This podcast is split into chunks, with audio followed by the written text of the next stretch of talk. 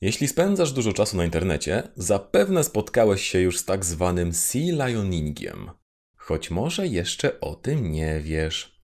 W tym odcinku omówimy, co to jest, jak sobie z nim radzić, jak nie zostać od niego posądzonym, a potem jeszcze będzie mały bonus dla wytrwałych. Więc.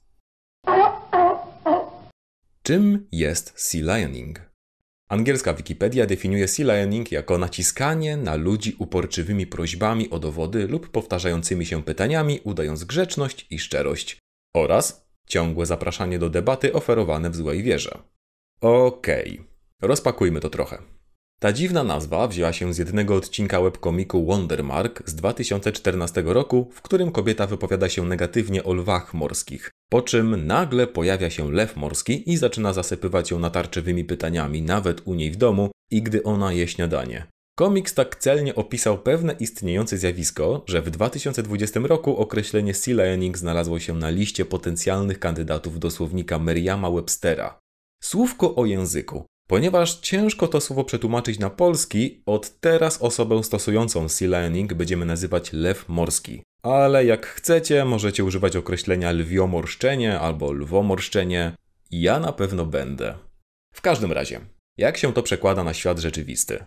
Lwa morskiego poznasz po tym, że udaje osobę zainteresowaną tematem i zadaje wiele pytań. Jednak te pytania są bardzo podstawowe, łatwo dostępne w internecie lub tylko powierzchownie powiązane z tematem. Generalnie to nie są pytania, które trzeba zadawać w dyskusji online. Dodatkowo, kiedy już odpowiesz, to lew morski zada kolejne pytanie, albo znów mało powiązane, albo udające, że zrozumiał cię w błędny sposób. W każdym razie nigdy nie będzie zadowolony z odpowiedzi.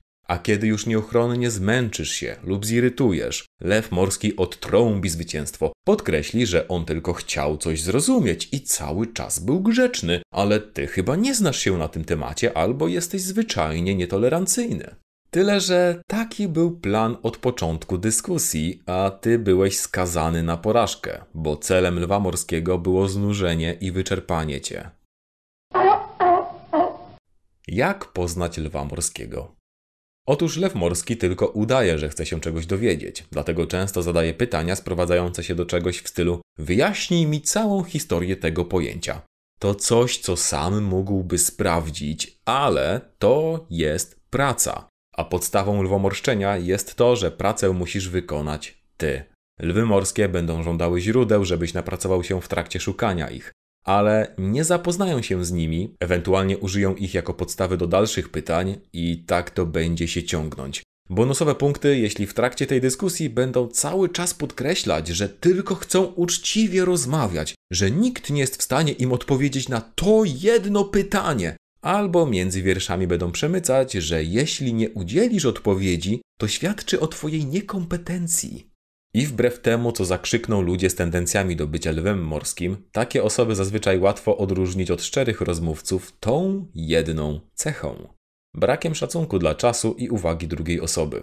Uczciwy rozmówca będzie dążyć do zrozumienia, a lew morski do wyczerpania cię. Bo, drogi widzu, takie tłumaczenie jest formą pracy. Jeśli pracę zdefiniujemy bardzo ogólnie, jako wkładanie wysiłku w osiągnięcie jakiegoś celu.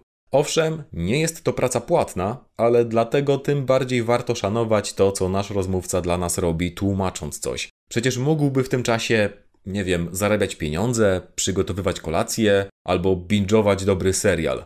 Ale nie, ta osoba postanawia zrobić coś dla nas. Co robić z lwami morskimi? Po pierwsze, nie wygrasz i nie przekonasz, a tym bardziej ich nie przegadasz. Prawo Brandoliniego głosi, że ilość energii wymaganej, aby obalić daną bzdurę, jest o rząd wielkości większa niż ilość energii wymagana na jej wymyślenie. Więc z każdą odpowiedzią będziesz męczyć się 10 razy bardziej niż lew morski z kolejnym pytaniem. A jak nawet zabraknie im pytań, to na końcu usłyszysz co najwyżej: Cóż, ty tak na to patrzysz, a ja mam prawo do swojego zdania. I jasne, możesz sobie w ten sposób poćwiczyć umiejętność debaty w złej wierze, jeśli chcesz. Pytanie brzmi, gdzie i po co? Jeśli odbywa się to gdzieś na social mediach, to możesz chcieć przekazać coś osobom postronnym. Tu powinieneś pamiętać, że drugim celem lwa morskiego, obok zmęczenia cię, jest wykolejenie rozmowy. Więc możesz śmiało zablokować osobę, która tę rozmowę uniemożliwia. I tu może oburzą się niektórzy, że jak mamy rozmawiać, skoro nie chcemy się wysłuchiwać? Nasza odpowiedź jest prosta. Mamy rozmawiać, jak najbardziej, tyle że z takimi osobami, które rzeczywiście rozmawiać chcą, a nie z jakimiś domorosłymi klonami Bena Shapiro, którzy tylko marzą o oraniu. Może to kontrowersyjne podejście, ale oranie to nie dialog. Jak nie zostać posądzonym o lwomorszczenie? To proste. Szanuj czas rozmówcy. Staraj się też zapoznać z tym, co ci podsyła. Skoro go pytasz, to znaczy, że pewnie wie na ten temat więcej niż ty i jasne, może masz jakieś pytania, które brzmią super w twojej głowie, ale prawie na pewno rozmówca słyszał już je wiele razy. I może po prostu nie chce mu się zużywać 10 razy więcej energii na tłumaczenie. To może być problem, jeśli rozmawiasz z kimś spoza swojej bańki, kiedy pozornie proste pytania mają bardzo skomplikowane odpowiedzi, które ciężko skrócić, bo na przykład opierają się na pewnych narzędziach analitycznych lub wiedzy historycznej. I wreszcie, jeśli ktoś nie chce ci udzielać swojego czasu, zaakceptuj to. Nie rycz jak lew morski, bo tym bardziej zniechęcisz osoby postronne. Innymi słowy, aby nie być uznanym za lwa morskiego, nie zachowuj się jak dupek.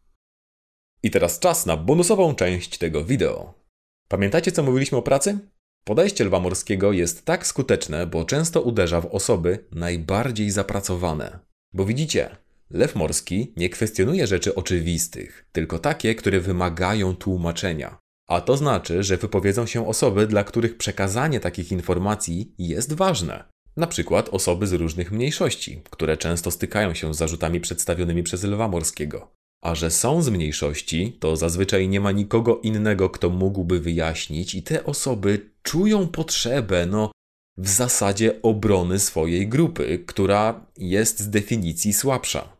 Filozofka Nora Berenstein nazwała to zjawisko wyzyskiem epistemicznym. Jest to zwyczajnie niefortunna konsekwencja tego, jak działa relacja większość-mniejszość. Więc jeśli należysz do mniejszości, możesz wiedzieć, że jest na to określenie. I teraz nie umieszczaliśmy terminu wyzysk epistemiczny w tytule tego wideo, bo nikt by na nie nie kliknął. Jeśli chcesz, abyśmy zrobili osobne krótkie wideo, daj nam znać w komentarzach. A jak już będziesz je przeglądać, to po drodze są takie różne ikonki i jak je naciśniesz, to wyobraź sobie, nie stanie się nic złego. Co więcej, ja razem z panem S będziemy bardzo szczęśliwi. Widzisz, jedno kliknięcie, jeden ruch palca, a ile radości. No pomyśl, kiedy miałeś ostatnio okazję kogoś uszczęśliwić ruchem palca? Panie S, wydaje mi się, że zaczynam cischecić. Chyba już pora na moją soję. Właśnie, moi drodzy, jeśli macie ochotę dorzucić się nam na soję, e, znaczy, chciałem powiedzieć, rozwój kanału, możecie to uczynić przez serwisy Patronite czy Coffee. Linki ze szczegółami w opisie. To tyle na dziś. Trzymajcie się mordeczki i do następnego. Pa!